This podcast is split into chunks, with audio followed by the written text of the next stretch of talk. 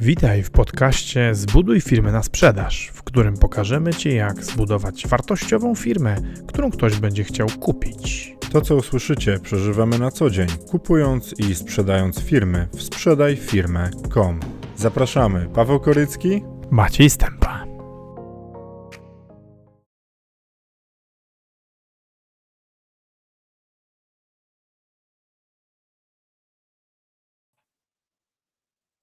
Cześć.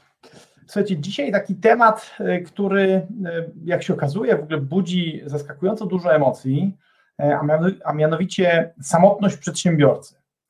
Zazwyczaj, tak jak wiecie, zajmujemy się z Pawłem tematami dosyć ściśle związanymi z obrotem firmami, z tym, jak sprzedać, e, co zrobić, żeby, e, żeby dobrze swój biznes sprzedać, ewentualnie jak ten biznes kupić, e, co przesądza o wartości biznesu, E, co powoduje, że biznes można sprzedać, co powoduje, że biznesu sprzedać nie można, e, ale okazuje się, że czasami dosyć, dużą, dosyć dużym zainteresowaniem e, z waszej, czyli naszych ulubionych i wspaniałych obserwujących, bo dla was w końcu to przecież to wszystko robimy, strony, zainteresowaniem cieszy się kwestia tego, jak się przedsiębiorcy żyje w dużej mierze dla nas ten dobrostan przedsiębiorcy też jest ekstremalnie ważny, ponieważ e, robimy biznes po to, żeby nam było lepiej. Przynajmniej my mamy takie, takie spojrzenie.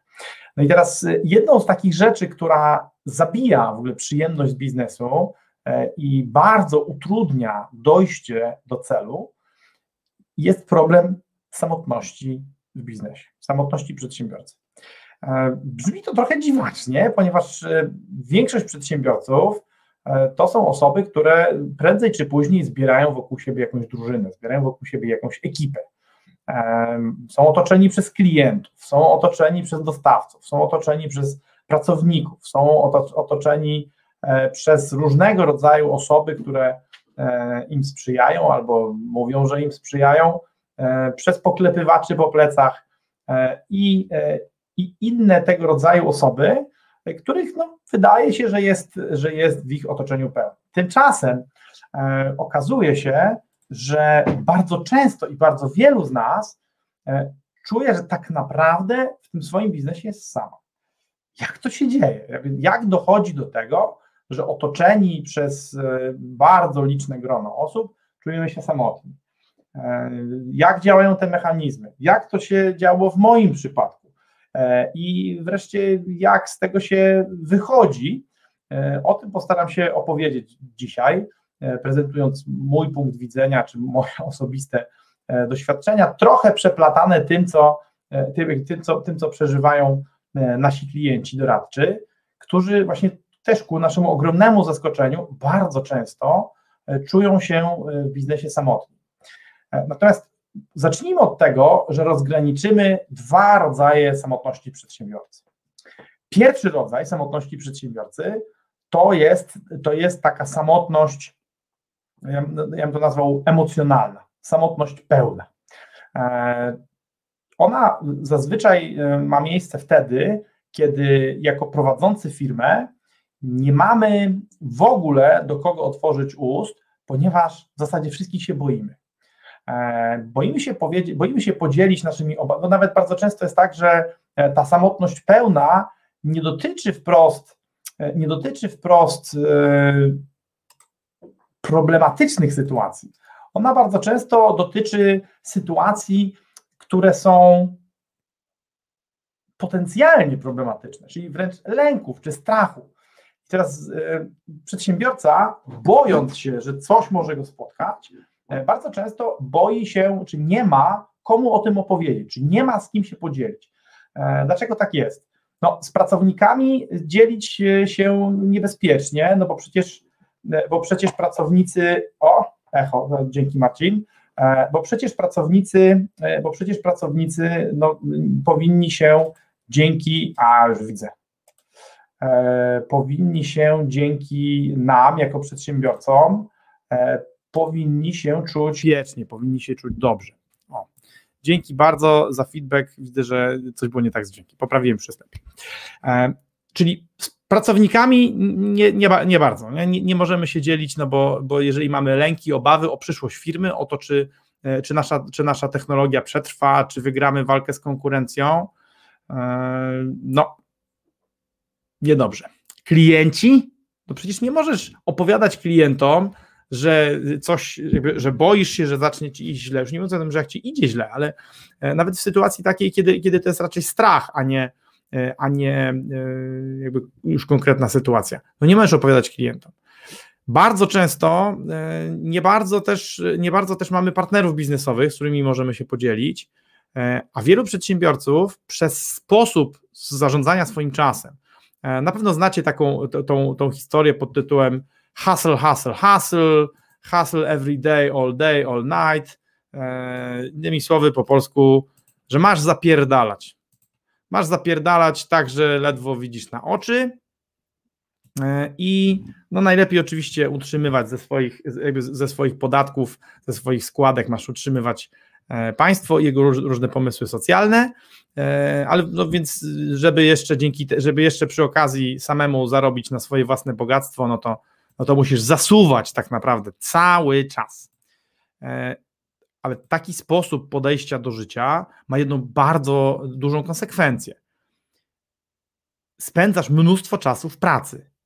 W związku z tym e, nie bardzo masz czas budować relacje w domu. W związku z tym, jakby oparcie w postaci partnera, partnerki życiowej bardzo często jest iluzoryczne. E, zdarza się, zwłaszcza, że panowie przedsiębiorcy biorą sobie, biorą sobie za partnerki e, piękne kobiety, z którymi potem nie spędzają czasu. No i potem jeszcze w dodatku dochodzą do wniosku, że one jakieś głupie, bo nie wiedzą o co chodzi w ich biznesie. E, no ja, to, to, jest, to jest moje przeżycie, e, to jest przeżycie, y, powiedział moje osobiste. E, Szymon pyta, o czym dziś mowa. Dziś mowa, Szymon, o, o samotności przedsiębiorcy. Jakiś czas temu opowiadał o tym Paweł, dzisiaj, dzisiaj moja perspektywa związujemy się z, z, drugą atrakcyjną osobą jako przedsiębiorcy, w związku z tym, że jesteśmy w ogóle sprawni w, w zmienianiu rzeczywistości, to jesteśmy też sprawni w zdobywaniu atrakcyjnych partnerów fizycznie, intelektualnie, a potem tych partnerów zaniedbujemy. Nie dzielimy się tym, co się dzieje na bieżąco, bo jesteśmy zbyt przepracowani, e, nie mamy siły, nie mamy czasu, no bo zasuwamy właśnie, bo ponieważ ten hustling, hustle all day, all night zabiera nam czas, w związku z czym, e, w związku z czym nasz partner w domu e, nas nie rozumie, no bo, ale nie rozumie nie dlatego, że jest głupi, tylko dlatego, że mu nie mówimy, ale o tym nie pamiętamy, bo jesteśmy w stresie. Kortyzol krąży w naszych, w naszych żyłach, w związku z czym ten nasz partner dostaje od nas tylko groźne i nieprzyjemne fuknięcia, więc nawet jeżeli miała, miał ochotę się dowiedzieć, co u nas, no to, to za chwilę ta ochota znika, no bo oczywiście ta, ten, ten, ten poziom nieprzyjemności, ten poziom, e, ten poziom opryskliwości, z którymi, z którymi traktujemy te osoby, e, powoduje, że, powoduje, że te osoby, tym osobom po jakimś czasie się nie chce pytać. To powoduje z kolei e, tak, jakby taki efekt, że nam się wydaje, że, że ta osoba nas nie rozumie, więc albo ma nas w nosie, albo jest głupia, albo jest głupia i ma nas w nosie. Co oczywiście najczęściej absolutnie nie jest prawdą. Natomiast jeżeli jest tak, że Twoje problemy są skomplikowane, narastają przez lata, e, wynikają z niepokojów, lęków, e, wiedzy o tym, co się dzieje w biznesie, którą się nie dzielisz e, z partnerem czy partnerką, bo właśnie, bo jesteś przepracowany, bo nie masz czasu. Więc, więc wywołujesz taką spiralę odpychania tego partnera od siebie. Bardzo często firmy zabierają firmy zabierają nam e, żonę, czy męża, czy partnera, e, czy partnerkę.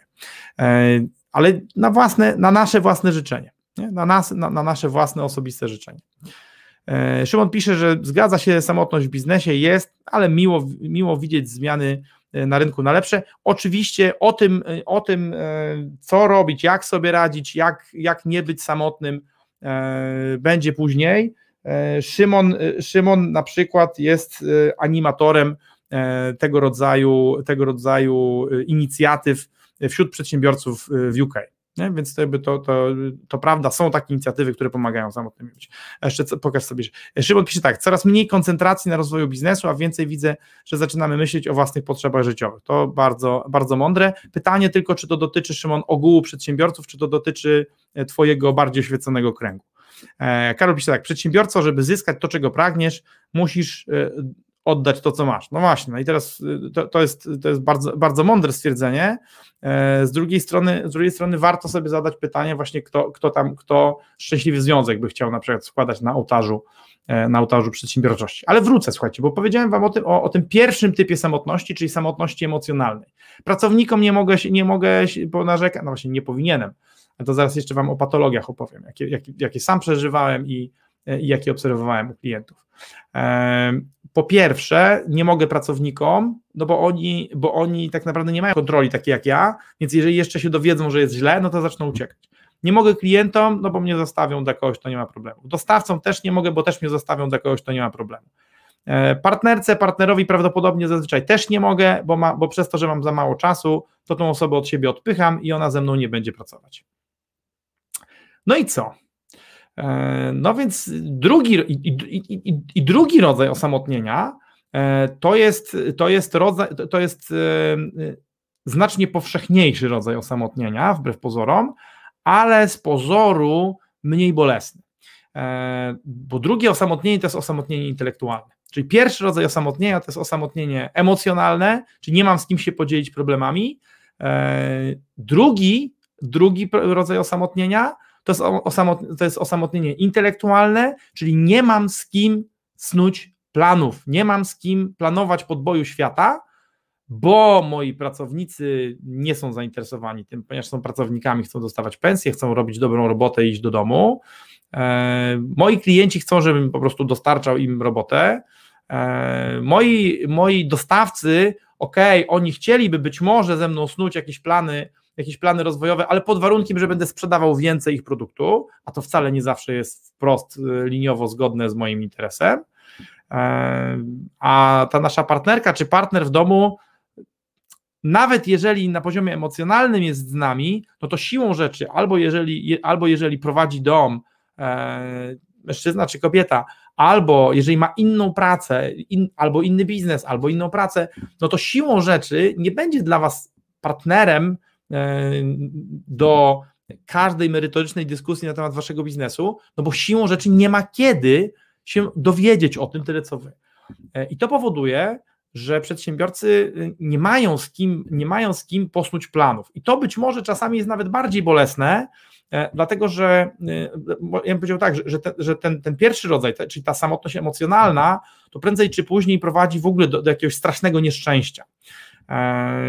I, i na nią, y, na nią tak naprawdę y, zdecydowanie szybciej trzeba sobie, trzeba, trzeba sobie, szukać y, rady, e, no bo właśnie, bo możemy, stracić, bo możemy stracić nasze życie, w tym sensie nie przestać żyć, ale możemy stracić życie, możemy stracić najważniejsze osoby w naszym życiu, jeżeli wyalienujemy sobie żonę czy męża, no to on może odejść, czy ona jeszcze w dodatku z dziećmi, no i co wtedy? Masakra. Najcenniejsze, najważniejsze osoby, osoby w naszym życiu mogą zniknąć, I to się niestety też, też dzieje. Natomiast, natomiast to osamotnienie intelektualne e, jest o, tyle, jest o tyle bardziej kłopotliwe, jeżeli tak można powiedzieć, że ono nie blokuje nam drogi do szczęścia, bo to szczęście życiowe możemy osiągać, ale, bloku, ale blokuje nam drogę do satysfakcji, blokuje nam drogę do rozwoju.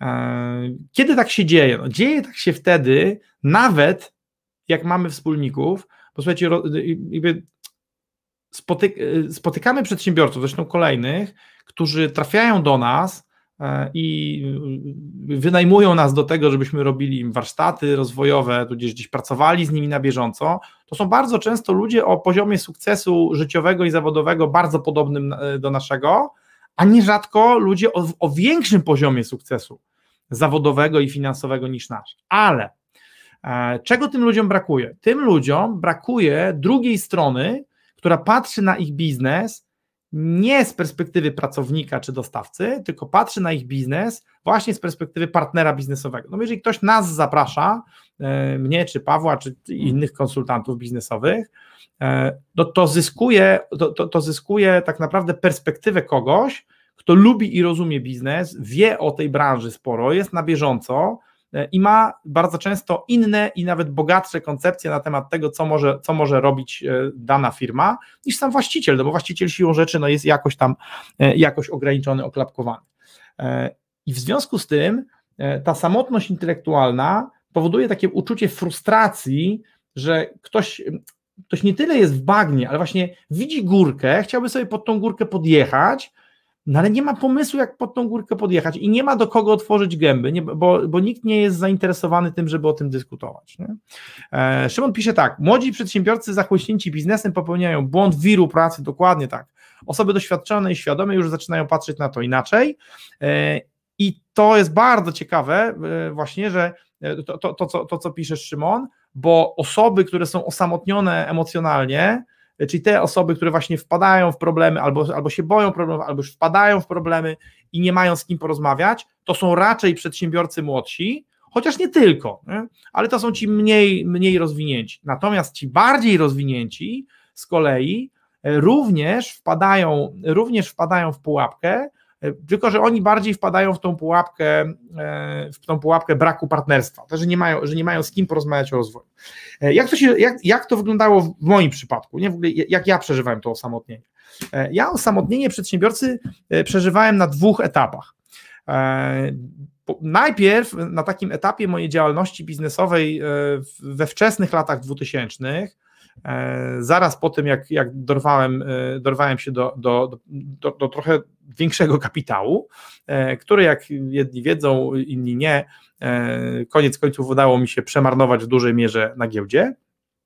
Natomiast e, Natomiast wcześniej, we wczesnych latach 2000, robiłem różne biznesy i biznesiki sam.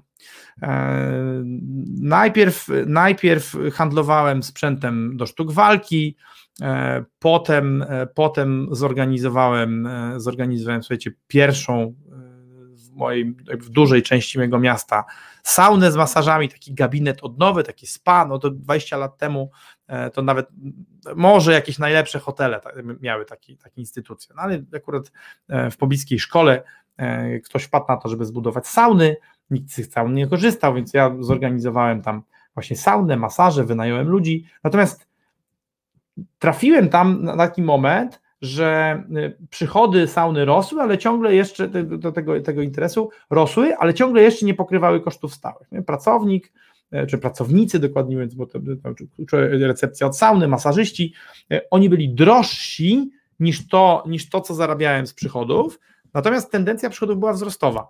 Ale nie mając z kim porozmawiać, no bo no, rodzice nie byli partnerami wtedy, partnerki życiowej chyba aktualnie wtedy żadnej nie miałem,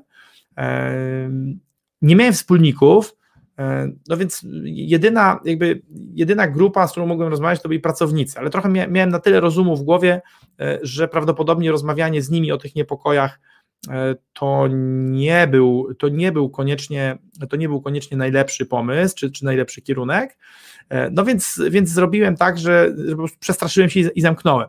Zamknąłem tą firmę totalnie przedwcześnie, bo to był ewidentny case pod tytułem ludzie dowiadują się o tym, o, o, tej usłudze i kolejne osoby przychodziły, kolejne osoby przychodziły, żeby, żeby, z tej, żeby z tej sauny, z tych masaży korzystać, e, no bo można powiedzieć, że popularyzował się, popularyzował się wtedy ten, ten kierunek, zresztą zobaczcie, że, że teraz tych różnego rodzaju spa, oczywiście one są w zupełnie innej jakości, dzisiaj, dzisiaj tamten przybytek by się nie obronił, natomiast wtedy jak najbardziej miał szansę żyć, ale przez to, że nie miałem z kim o tym pogadać, E, zarówno na poziomie emocjonalnym, mojego strachu przed tym, że stracę płynność finansową, oraz na poziomie intelektualnym, żeby policzyć, pomierzyć, bo, bo być może tak naprawdę trzeba było popatrzeć, że za właśnie za dwa miesiące już będzie break-even, e, za kolejne dwa miesiące e, wyjdziemy na rentowność, no to zamiast to zrobić, no to po prostu spanikowałem, bo nie miałem z kim pogadać i, i ten biznes zawinąłem. Kolejne biznesy kolejne biznesy e, robiłem już w zespole, na przykład e, takiego lokalnego dostawcę usług internetowych.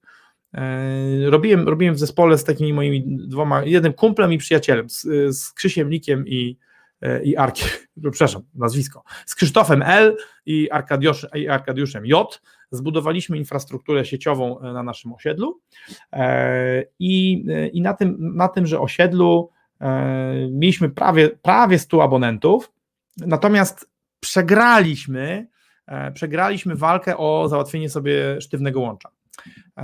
To był taki czas, gdzieś tam przełom właśnie 90, lat 90., 2000, teraz nie pamiętam, czy 99, czy 2000, czy 2001. Załatwialiśmy łącze, słuchajcie, 500 megabitów. I to łącze, to łącze było, no, udało nam się na chwilę podłączyć, gdzieś tam u moich rodziców w garażu, do tej całej infrastruktury.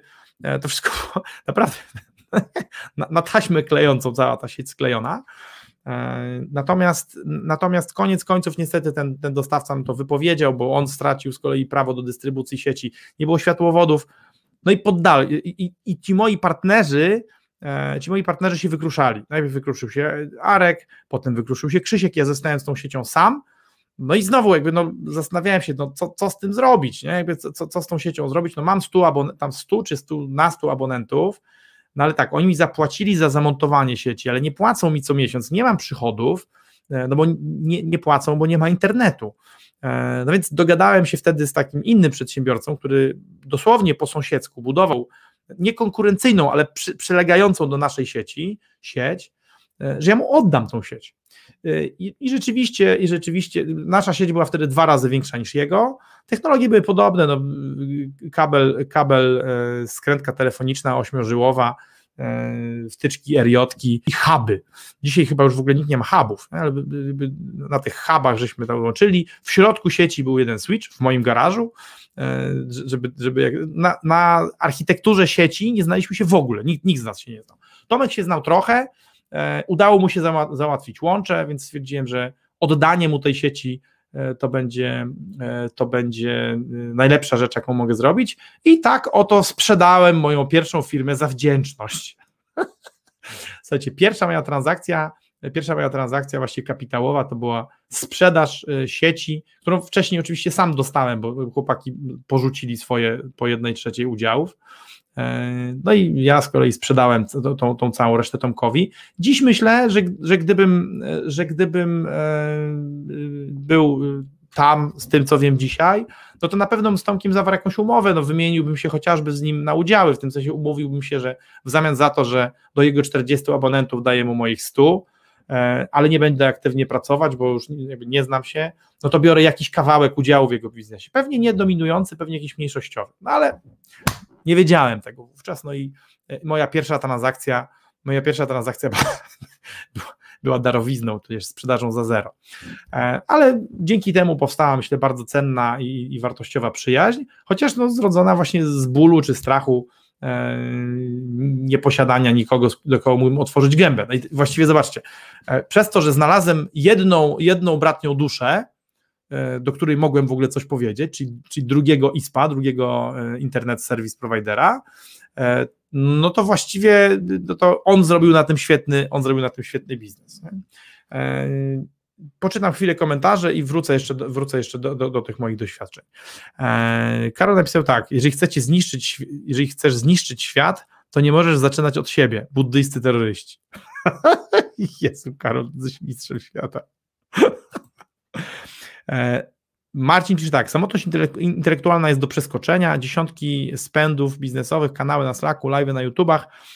Problem w tym, że pogadać sobie można, ale znaleźć kogoś do kłopania japą, przełożyć, przełożyć się na efekt jest trudniejszy niż pogodzenie Jarka z Donaldem.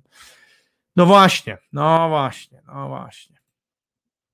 Szymon pisze, aby nie być osamotnionym intelektualnie, warto wpaść na kanał Sprzedaj Firmę.com bardzo jest mi przyjemnie, albo na przykład zostać zaproszonym do elitarnej grupy uczestników biznesowej kawy u Szymon. Ale to, to nie jest tak, że sobie możesz sam zdecydować, to Szymon decyduje, czy tam jesteś.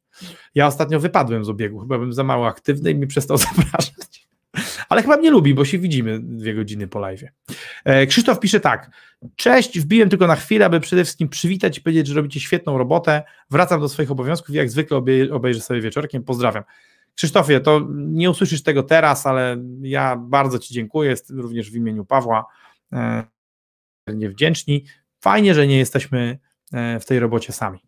E, bardzo Ci dziękuję za to. A Marcin pisze tak, ha, pracowałem w czymś podobnym w, tym, w podobnym okresie, z tego co słyszałem, firma sprzedała się UPC mając kilkadziesiąt tysięcy abonentów.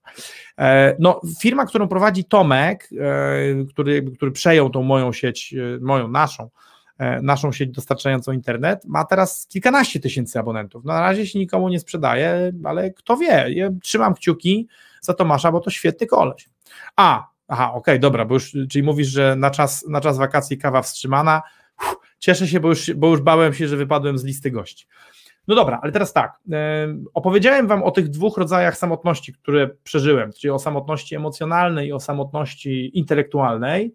E, trochę Szymon, trochę Szymon i trochę Marcin e, i trochę Karol pokomentowali kwestię, kwestię tej samotności intelektualnej, co można z nią zrobić.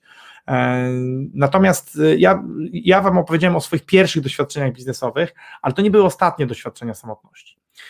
Potem robiłem biznesy, które, których efekty, efekty że tak powiem, żyją do dzisiaj z moim przyjacielem Damianem. Najpierw, najpierw założyliśmy sobie wspólny rachunek inwestycyjny i najpierw staliśmy się z posiadaczy pojedynczych 100 tysięcy złotych każdy milionerami giełdowymi, a potem z tych milionerów giełdowych bankrutami giełdowymi.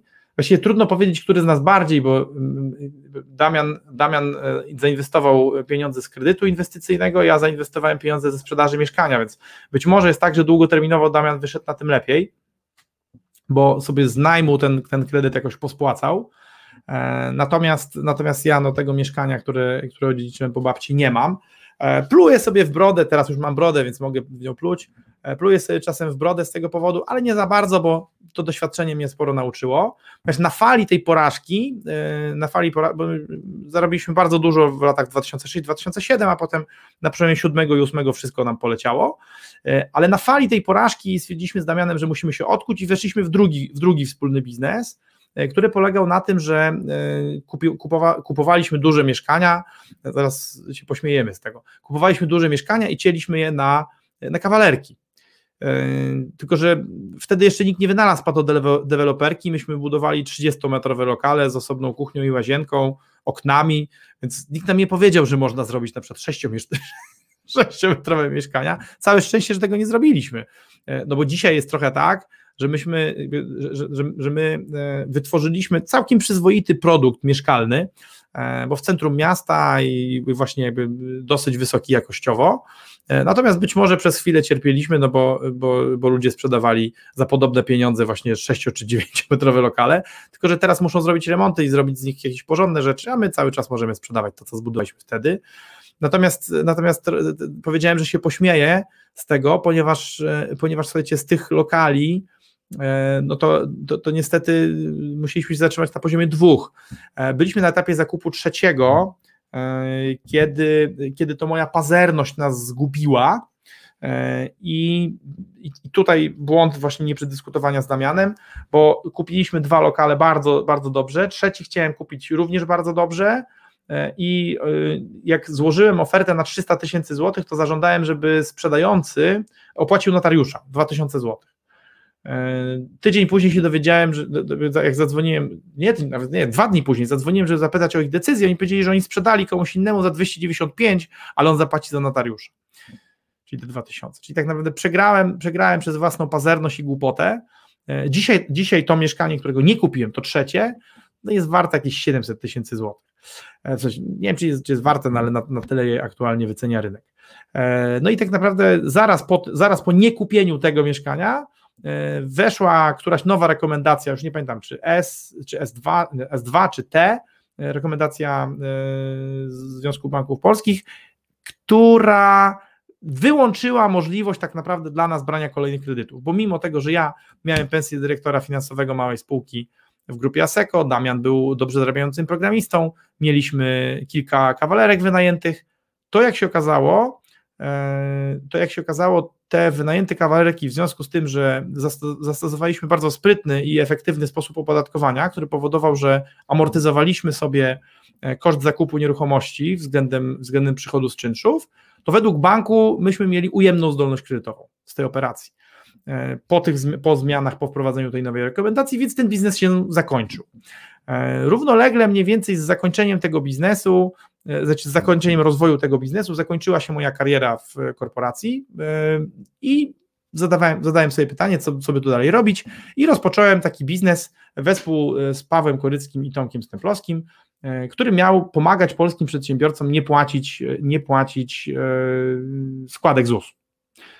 Zapytacie jeszcze o tą samotność przedsiębiorcy. Pracując z Damianem nie byłem samotny. Pracując z Damianem byłem w stanie i na poziomie intelektualnym, i na poziomie emocjonalnym mieć partnera, e, bo razem płakaliśmy nad stratą tych dwóch baniek każdy, razem e, świętowaliśmy kupowanie za bezcen nieruchomości w centrum, w centrum Trójmiasta e, i razem byliśmy w stanie snuć plany, jak kalkulować i to było przefantastyczne. Natomiast Damian wybrał ścieżkę, Damian wybrał ścieżkę pracownika, no bo pracuje w branży IT, tam e, bardzo podobne pieniądze jak e, mały czy średni przedsiębiorca. E, można zarabiać bez ryzyka, bez tego całego obciążenia, można po prostu o 16 czy 17 iść do domu i, wszystko, i mieć wszystko w pompie. To spowodowało, że jakby no musiałem szukać jakiejś nowej ścieżki. Kar kariera w korporacji się skończyła, e, współpraca z Damianem na poziomie przyjacielskim trwała, natomiast na poziomie biznesowym się zamknęła. Damian powiedział, że on nie będzie rozszerzał więcej biznesów. E, no i założyliśmy z Pawłem, z Pawłem i, i, Tomkiem tą firmę. Ta firma nam strasznie szybko zaczęła rosnąć. Potem się okazało, że no tak, ludzie, ludzie chcą tej, tej optymalizacji ZUS-owskiej, ale w zasadzie to by chcieli jeszcze optymalizować podatki, a właściwie tak, że optymalizują ZUS i podatki, to by chcieli jeszcze księgowość, a skoro to, no to jeszcze chcą doradztwo podatkowe szersze jeszcze chcą kancelarię prawną i to się tak e, rozpuchło, także z kilkuosobowej firmy, z kilkuosobowej firmy w 2012, w 2016 roku była firma prawie 50-osobowa, w 17 70 kilkuosobowa. E, I w tym momencie zacząłem doświadczać na nowo samotności. Otoczony przez 70 osób. Otoczony przez kilku prezesów e, spółek córek, bo, bo no, kancelaria, księgowość, to były tam e, wirtualne adresy, to były wszystko oddzielne spółki, było 5 czy 6, 5 czy 6 spółek w grupie. I, to, i to nie, nie, nie ja byłem ich prezesem, tylko one miały, swoi, miały swoich szefów. I, I słuchajcie, i doświadczyłem trzeciego, bardzo dziwnego rodzaju samotności. Mianowicie to była samotność na życzenia. Ja uciekałem przed ludźmi, nie chciałem z nimi rozmawiać, chciałem uciekać przed problemami. E, byłem tak przeładowany ilością problemów, byłem tak przeładowany e, tym, że każda rozmowa właściwie kończyła się tym, że ktoś czegoś ode mnie chciał. E, nikt nie przychodził mnie wesprzeć, każdy, chcia, każdy czegoś chciał. E, dziennikarze chcieli wywiadów, partnerzy biznesowi chcieli się ogrzeć w naszym blasku, klienci e, chcieli coś kupić albo ci jakieś zniżki, czy jakiś ustępstw. Pracownicy, jak to pracownicy, no mieli żądania coraz więcej pieniędzy, coraz więcej socjalu. Wspólnicy mieli oczekiwania, że ja będę jakieś tam kolejne decyzje podejmował, czy ich wspierał, czy gdzieś tam będę coś brał na klatę. I z tym poczułem się, że jestem sam. I moja reakcja, słuchajcie, była taka, że po tych czterech piętrach, które mieliśmy pod koniec wynajęte, cztery stu kilkudziesięciometrowe lokale, jeden nad drugim, ja uciekałem po tych piętrach i się chowałem przed moimi prezesami, przed moimi wspólnikami, żeby, żeby tylko nie być na widelcu, żeby się nie dać przepytać, żeby nie dać się przyłapać e, i nie dać się przymusić do podjęcia jakichś decyzji, do, do jakiejś deklaracji, czułem, że nie, że nie mogę z nikim pogadać. Wiecie dlaczego? Sam sobie to zrobiłem, bo tak przebudowałem biznes, że wspólnicy zostali taki pół kroku z tyłu za mną, a ja się wysforowałem jako lider całości. I w związku z tym tylko ja widziałem całość i wszystkie problemy i ciężary, które się z tym wiązały. Cała reszta miała do, do rozwiązania swój wycinek. To były bardzo trudne wycinki. Paweł Korycki miał ogromny, Paweł miał połowę firmy na głowie, e, a problemów prawdopodobnie z 70%. Miał ogromny, ogromny kawałek, ale to nadal był kawałek. E, inni wspólnicy też mieli kawałki tego biznesu na głowie. W związku z tym, na własne życzenie, tak przebudowałem biznes, że ja byłem jedyną osobą, która widziała firmę w całości i nikt nie chciał empatyzować z, z tym, ponieważ tak ustawiłem biznes, że oni czuli się odpowiedzialni za swoje silosy. Piotr za sprzedaż, Natalia za finanse, właśnie Paweł za spółkę z produktami księgowymi, Viola, a potem, a potem już kto inny za podatki, Jakub za prawo, Marek za zakupy, już nie pamiętam kto, kto za biuro wirtualne i adresy, za, za biuro adresy wirtualne i, i oni byli odpowiedzialni za swój kawałek biznesu. I teraz, jeżeli coś nie, jeżeli coś nie szło tak, tak, jakbyśmy chcieli gdzie indziej, w innym obszarze, to nie był ich problem. I trochę im się nie dziwię, bo tak im ten świat zbudowałem i tak sobie zbudowałem ten świat. I ten, ten taki, ten efekt zaszczucia e, powodował, że ja nie miałem pojęcia w ogóle z kim porozmawiać, jak wyjść z tego. Coachom nie ufałem. Trochę nadal nie ufam. Ale może to jest kwestia metryki, bo ja jestem urodzony, urodzony pod sam koniec lat 70. Jestem urodzony w roku 1980, więc jak łatwo policzyć, to jest końcówka siódmej dekady. E, w związku z tym być może jednak więcej we mnie PRL-u niż mi się wydawało. Więc nie ufam coachom. Podziwiam, ale jednak zawsze jakiś czuję pewien dystans. Terapeutom tym bardziej no nie, nie, ufam. Lubię, lubię podyskutować, porozmawiać, ale swoich problemów terapeucie bym nie zaniósł. Ksiądz? Co ksiądz wie o biznesach? No musiałbym znaleźć jakiegoś dusz, duszpasterza, e, duszpasterza biznesów. Teraz są tacy duchowni. E, nawet jeden z naszych zaprzyjaźnionych przedsiębiorców bardzo mocno, bardzo mocno łączy sprawy duchowe z biznesem w biznesie. Być może, gdybyśmy się znali wtedy, gdyby on już wtedy był na tym etapie życia, ale nie znałem nikogo takiego, więc e, temu nowemu sposobowi załatwiania tematów związanych z samotnością, e, ja mówiłem nie, bo, bo mu nie ufałem. W świecie religii też nie byłem w stanie znaleźć oparcia.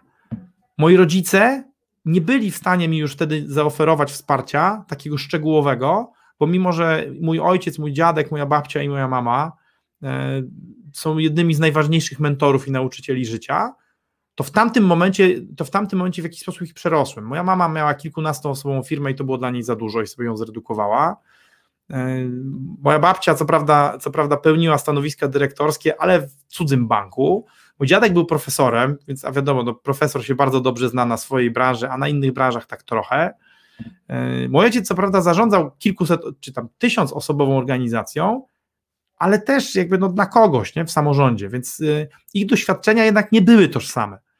E, więc nie byli mi w stanie powiedzieć, co zrobić. Czyli, czyli wszystkie takie domyślne źródła, rodzina, kościół, psychologia, zawodziły mentorzy. I to był, tak, i to był taki punkt, myślę, że zwrotny, e, w którym, w którym zacząłem szukać na nowo dookoła siebie i doceniać to, że ja w ogóle mam kogoś takiego jak mentor, bo e, okazało się, przypomniałem sobie w tamtym momencie, że mam dwóch mentorów. E, Jarka Chybickiego, który był moim pierwszym i ostatnim szefem, oraz Maćka Starego, który był z kolei moim szefem w harcerstwie. Obaj panowie starsi ode mnie około 10 lat, bardziej doświadczeni życiowo, z dużymi sukcesami, ale też z różnymi porażkami na koncie. I zacząłem z nimi rozmawiać. I powiem wam, że, że to, to się okazało, bo jeszcze, bo jeszcze próbowałem po drodze networkingów e, i jakichś grup przedsiębiorczych, natomiast nie trafiłem nigdy do dobrego masterminda, w którym bym zaufał ludziom na tyle, żeby, e, żeby się podzielić problemami. Nasza obecność w Asbiro wtedy się dopiero zaczynała, ale e, co więcej, ale w Asbiro prawdopodobnie są takie, takie fragmenty, gdzie można, gdzie można sobie tak, o takich rzeczach porozmawiać szczerze, bez strachu, ale ja do tych elementów nie docierałem. Ja byłem, e, ja występowałem na konferencjach, opowiadałem, ale to były jednak takie relacje bardziej powierzchowne nie takie, które dają ci poczucie, że możesz opowiedzieć o tym, co u ciebie naprawdę nie działa, nie? albo czego się naprawdę boisz. I odpowiedzią właśnie okazali się mentorzy. A w ogóle o ironio na to, że odpowiedzią na mój problem mogą być mentorzy, był mój własny podopieczny mentoringowy, Wiktor Jodłowski, który y, swoim poziomem wdzięczności za to, co razem osiągaliśmy w jego biznesie, uświadomił mi, że ja też mam takich mentorów, takich nauczycieli, do których mogę się zwrócić. Bo po pierwsze, już mi bardzo dużo pomogli, bardzo dużo mnie nauczyli, ale tutaj ten PRL we krwi niestety blokował wcześniej moją, moją i dopiero tak naprawdę efekt Jodłowskiego spowodował, że, że zacząłem być w stanie widzieć to, że mogę, że mogę od tych mentorów dalej czerpać. A po drugie, jakby no, to, to, ja, ja miałem takie poczucie, że to już było w przeszłości. Ale więc odezwałem się do jednego i do drugiego i w związku z tym, że im bardzo ufałem, e, bo to, jakby to, to, byli, to byli tacy liderzy biznesowi, liderzy biznesowi, za, który, za którymi szedłem. No, Jarek mnie nauczył mnóstwo rzeczy, na, na, nauczył mnie, nauczył mnie, e, ja bym powiedział, takiej bycia, bycia e, strasznie mi się to strasznie podoba, przepraszam, bo chyba emocje mi się trochę uruchomiły. Jarek pomógł mi stawiać pierwsze kroki w kierunku tego, żeby dołączyć do e, arystokracji intelektualnej. To nie to samo co elita. E, myślę, że jeszcze mi daleko, jeszcze dużo, dużo muszę zrobić, natomiast natomiast e, to, jakby to, to dzięki, Jarkowi, dzięki Jarkowi zacząłem w ogóle aspirować, żeby iść w tym kierunku. A z kolei Maciek, który zyskał mój szacunek jako potężny przywódca w harcerstwie, jest również świetnym i bardzo drogim, bardzo drogim. Jeżeli ktoś myśli, że my jesteśmy drodzy, E, bo, bo nasze stawki godzinowe są w dużych setkach złotych za godzinę, no to, to popatrzcie na stawki Maćka. E, a Maciek jest bardzo drogim, bardzo dobrym, wziętym konsultantem biznesowym. E, natomiast ja, ja się zachwyciłem jego, jego, jakby jego przywództwem w harcerstwie. Więc tym gościom dwóm zaufałem, opowiedziałem, z czym się mierzę. No i oczywiście kluczowe, co dostałem, to, to dostałem to, że przestałem być samotny. Oj, daj mi rozwiązania, tylko ja oczywiście tych rozwiązań, z tych rozwiązań nie byłem w stanie od razu skorzystać. E, z tego, co mi podpowiadał Jarek, no to musiałem dwa lata dojrzewać do tego i mniej więcej, mniej więcej dwa lata musiałem dojrzeć do tego, co mi podpowiadał Maciek. E, a zresztą ja bardzo często widzę to u, moich menti, u, mo, u, moich podopiecznych, nie? że ludzie przychodzą, dostają bardzo proste rozwiązania swoich problemów, ale nie są mentalnie na to gotowi i musi minąć czas, oni muszą się przygotować. W związku z tym zresztą y, uważam, że jednym z najlepszych narzędzi pracy mentoringowej jest wyrzucenie z procesu. Powiem Wam jeszcze taką ciekawostkę, że właśnie i Jarek, bo Jarek też jest bardzo drogim konsultantem biznesowym, e, to to, co mnie zaszokowało wtedy, e, to to, że nie udało mi się im zapłacić. Dług wdzięczności trwa do dziś, bo próbowałem, próbowałem od, i od jednego, i od drugiego wyciągać faktury, ale to zakończyło się to fiaskiem.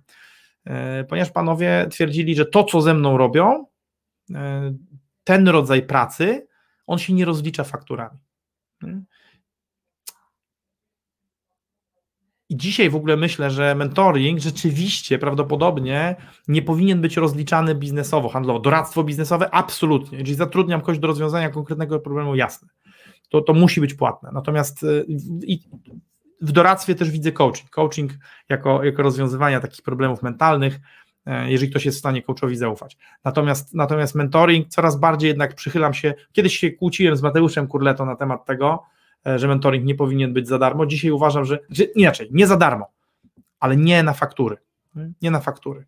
Bo jeżeli jest tak, że, że relacja, że relacja, e, że ta relacja jest płatna, to ona nie będzie prawdziwa. I teraz jak mentorowi się opłaca? No właśnie w taki sposób, że jego podopieczny idzie w świat z niewyzwolonym e, pragnieniem, e, niespełnionym pragnieniem odwdzięczenia się. Ja, ja, tak naprawdę od kilku lat chodzę i się zastanawiam, co ja mogę zrobić i co jakiś czas próbuję, czasem mi się udaje lepiej, czasem się udaje gorzej, ale co ja mogę zrobić właśnie dla, dla tych dżentelmenów, dla Jarosława Chybickiego, e, mojego pierwszego i ostatniego szefa w biznesie, dla y, Maćka Starego, świetnego konsultanta i mojego lidera w harcerstwie. Co ja mogę dla nich zrobić? I cały czas szukam. Czasem coś znajduję, czasem nie, ale cały czas mam, mam takie wrażenie, że to wszystko, co im dałem, to jest ciągle za mało. Dzisiaj myślę, że to tak też chcę się rozliczać z moimi podopiecznymi mentoringowymi. E, tyle tylko, że tak samo tak jak Maciek i Jarek stosuję sito. Kiedyś każdy mógł zostać moim menti, musiał zapłacić i mógł nim być. Dzisiaj to ja decyduję, czy mam ochotę z kimś pracować. Zresztą w tej chwili mamy z Pawłem innych mentorów, którzy pomagają nam nie być samotnymi. E, I z nimi też było bardzo trudno ich przekonać, żeby, żeby w ogóle zechcieli. E, natomiast, natomiast e, teraz przeczytam komentarz i chciałbym powiedzieć Wam o tym, jak jeszcze sobie, jak jeszcze sobie można radzić i jak teraz sobie radzę z tym, żeby nie być samotny. Agnieszka Maja pisze tak, dziękuję za taki przekaz. Mnie też wielokrotnie blokuje lęk i nawarstwione problemy, a przecież to jest do przejścia. Dziękuję serdecznie. Świetnie słyszeć tak pokrzepiające historie i słowa. O, super. Wiesz co, Agnieszko, no, musimy, e, musimy tak naprawdę się wspierać jako przedsiębiorcy. E, ciągle myślimy z Pawem właśnie w jaki sposób, w jaki sposób to, w jaki sposób to realizować. E, a tu teraz wam zdradzę pewną rzecz, e, słuchajcie uważnie, to usłyszycie, e, bo dzisiaj e, to, że, nie, to, to, że ja nie jestem samotny w biznesie, zapewniają, zapewniają mi dwie osoby. Zapewnia mi Paweł Korycki, który jest moim wspólnikiem, który 20 lat temu, myślę, mogę śmiało powiedzieć, no nie, bo może, może wróg to jest, to jest złe słowo, ale mnie bardzo nie lubił, wręcz zwalczał. Ja go też zacząłem nie lubić po tym, bo byliśmy sąsiadami na jednym osiedlu. E, I trochę może rywalizowaliśmy o, o to, kogo, kogo będzie bardziej lubić nasz wspólny, wspólny przyjaciel Krzysiek. E, natomiast e, potem na przestrzeni lat stykaliśmy się kilka razy, aż w końcu w 2012 stwierdziliśmy, że będziemy robić biznes. Paweł w tym czasie przeszedł ogromną przemianę, ja pewnie też, ale nie zaczynaliśmy biznesu jako przyjaciele. Ba, myślę, że zaczęliśmy biznes jako przedsiębiorcy, nawet dość nieufnie patrząc na siebie. E, natomiast, natomiast e, ta nasza droga wspólna e, zrealizowała to, o czym mówi, to, o czym mówi Ela Marciniak, nasza obecna mentorka, mówiąc o tym, że nie ma biznesu między przyjaciółmi. Nie ma i nie powinno być, bo to kończy przyjaźnie. Ale można się zaprzyjaźnić z drugim biznesmenem i to może być całkiem trwała przyjaźń. E, można teraz pójść bardzo głęboko, bardzo głęboko w roz, rozkładanie, rozpakowywanie tej metafory, ale myślę, że mówię do bardzo inteligentnych ludzi, więc nie muszę tego robić. E, natomiast, natomiast mentor e, to jest bardzo często ktoś, kto, kto to uzupełnia, bo powoduje z kolei, że nawet dobrzy wspólnicy, dobrzy partnerzy biznesowi nie zaginą intelektualnie, bo można powiedzieć tak, że bo drugą osobą E, I taką najważniejszą osobą w moim życiu, jakby, która powoduje, że w ogóle z niczym nie jestem sam, jest Ola. Oli nie ma w social mediach, nie znajdziecie jej, nie zakłada sobie profili. E, kiedyś jak pracowała w marketingu, to założyła sobie fejkowy ze zdjęciem psa. Tak ma. Nie chcę, nie chcę pokazywać, nie, nie znajdziecie jej też w moim profilu. Ona sobie nie życzy, żeby upubliczniać jej wizerunek. Natomiast, natomiast to jest osoba, która rozumie biznes na tyle, że, że potrafi zrozumieć problemy, z którymi ja się borykam. E, jednocześnie ja już wiem dzisiaj, że jeżeli chcę mieć partnerkę na całe życie, to, to nie mogę jej traktować jak idiotki i muszę zakładać, że jeżeli ona nie rozumie czegoś, o czym jej mówię, to znaczy, że ja źle mówię, że za mało tłumaczę. A jeżeli ona nie chce słuchać, to nie znaczy, że mam nie w nosie, tylko to znaczy, że nie szanowałem jej dotychczas wystarczająco, nie okazywałem jej wystarczająco dużo troski i szacunku, żeby ona chciała słuchać mnie. Bo samotność przedsiębiorcy tak naprawdę jest po prostu samotnością człowieka. Każdy z nas może być samotny w tłumie. Chcemy, żeby inni nas słuchali. Chcemy, żeby nasz partner życiowy, biznesowy, żeby był oparciem w każdej chwili kiedy tylko będziemy tego potrzebować, ale żeby sam nie zawracał nam dupy. Czyli chcemy zbierać tam, gdzieśmy nie posiali. To się nie może udać. Jeżeli chcesz zbierać, musisz posiać. Praca z Pawłem przez te 9 lat w tej chwili wspólnej pracy była strasznie trudna. Niewiele brakowało, a, a, a kilka razy byliśmy na takim etapie, że E, że już chcieliśmy tą współpracę zrywać. Na samym początku e, nasz trzeci wspólnik namawiał mnie do tego, potem jak gdzieś tam bliżej poznał Paweł, mówi, nie, no to nie, nie damy rady, to się nie może udać, ten gość jest zupełnie inny niż my. Koniec końców on sam odszedł z firmy, ale nie został wyrzucony przez żadną intygę, sam doszedł do wniosku, że mu to nie pasuje. Kłóciliśmy się straszliwie, trzaskaliśmy drzwiami, obrażaliśmy się, deklarowaliśmy, że to, to tam od, każdy tam odchodzi z firmy, e, i w sprawach ważnych, i w sprawach nieważnych.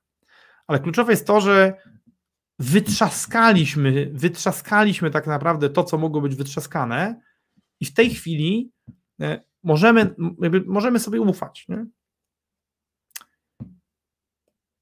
Taka relacja niestety jest bardzo droga, bardzo kosztowna, ją się bardzo długo buduje.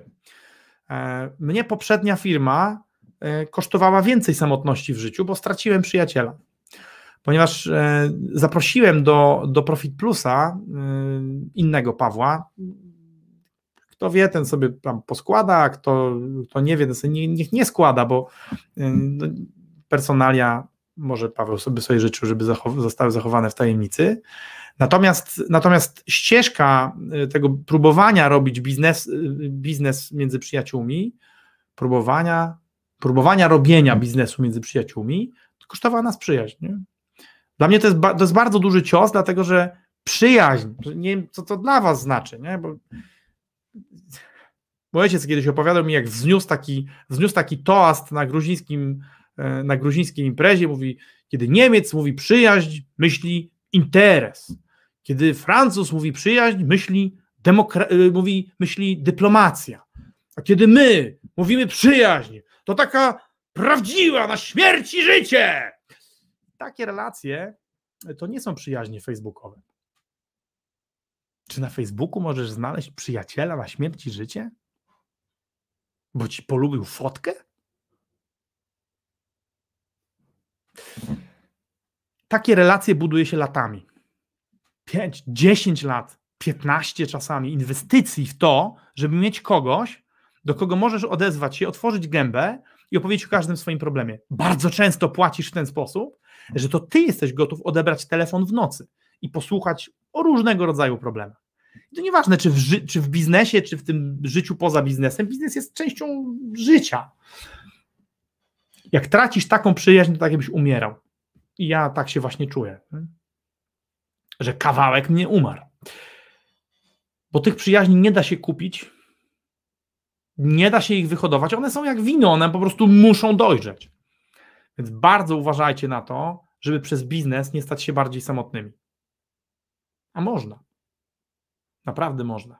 Można stracić rodzinę, bliższą, dalszą, można zaniedbać tą, tą rodzinę nabytą, żonę, dzieci. Można stracić tą rodzinę, do której się urodziłeś, czy urodziłaś, rodziców, rodzeństwo. Można stracić przyjaciół. Warto tego nie robić, bo co prawda, tak jak mówi nasza mentorka, w biznesie można być albo królem, albo być bogatym i zdecydowanie, zdecydowanie lepiej być bogatym, to to bogactwo też powinno być po coś. Jeżeli żyjemy na tym świecie 70, 80 lat, jedni wierzą, że jest coś dalej, inni nie wierzą, że jest coś dalej, ale więc trzeba działać tak, jakbyśmy byli tylko tu. Mieć nadzieję, że będzie coś dalej, ale, ale żyć tak, jakby, tak byli tylko tu. No to skoro nasze życie jest tak ograniczone, no to trzeba dbać o to, żebyśmy w tym, w tym krótkim życiu nie byli samotni, nie marnować tych, tych rzeczy, które są najcenniejsze, czyli relacji. Biznes jest po to, żebyś miał czy miała pieniądze, ty i twoja rodzina i twoi najbliżsi, na to, żeby pięknie żyć. Po to jest biznes. Jeżeli biznes grozi Twoim najważniejszym rzeczom, Twoim relacjom i macie wpędzać w samotność, to zrób jak Damian. Pieprz ten biznes i idź do pracy. Prawie na pewno umiesz robić coś, co jest bardzo drogie, bo skoro umiesz prowadzić firmę, to znaczy, że jesteś bardzo sprawnym człowiekiem w rozwiązywaniu problemów. A przecież ludzie płacą za to, żeby rozwiązywać problemy. No i co? E, jestem dzisiaj bardzo refleksyjny, jak zauważyła, e, jak zauważyła Iza, e, a w związku z tym, że kanał sprzedajfirmę.com jest po to, żeby, żeby pomagać przedsiębiorcom stać się bogatymi poprzez sprzedaż firm, a ostatnimi czasy doszliśmy do wniosku, że również po, prze, przez to, żeby kupować. Nasze cele są bardzo pragmatyczne. Chcemy, żebyście byli bogatsi, chcemy, żebyście byli szczęśliwsi. Ale żebyście byli szczęśliwsi, to ilość rozkminy w jednostce czasu nie może być duża. Troszeczkę się rozczuliłem, trochę Wam opowiedziałem e, o swoim życiu, trochę odkryłem tych swoich historii samotnościowych, nawet muszę powiedzieć, że aż mnie to w środku dotknęło, e, ale chyba wystarczy. Szymon, e, my będziemy rozmawiać, my będziemy rozmawiać o 14, nie spoileruj. Kochani, kończę zanim się zrobi rzewnie i płacząco, bo to przecież nie o to chodzi.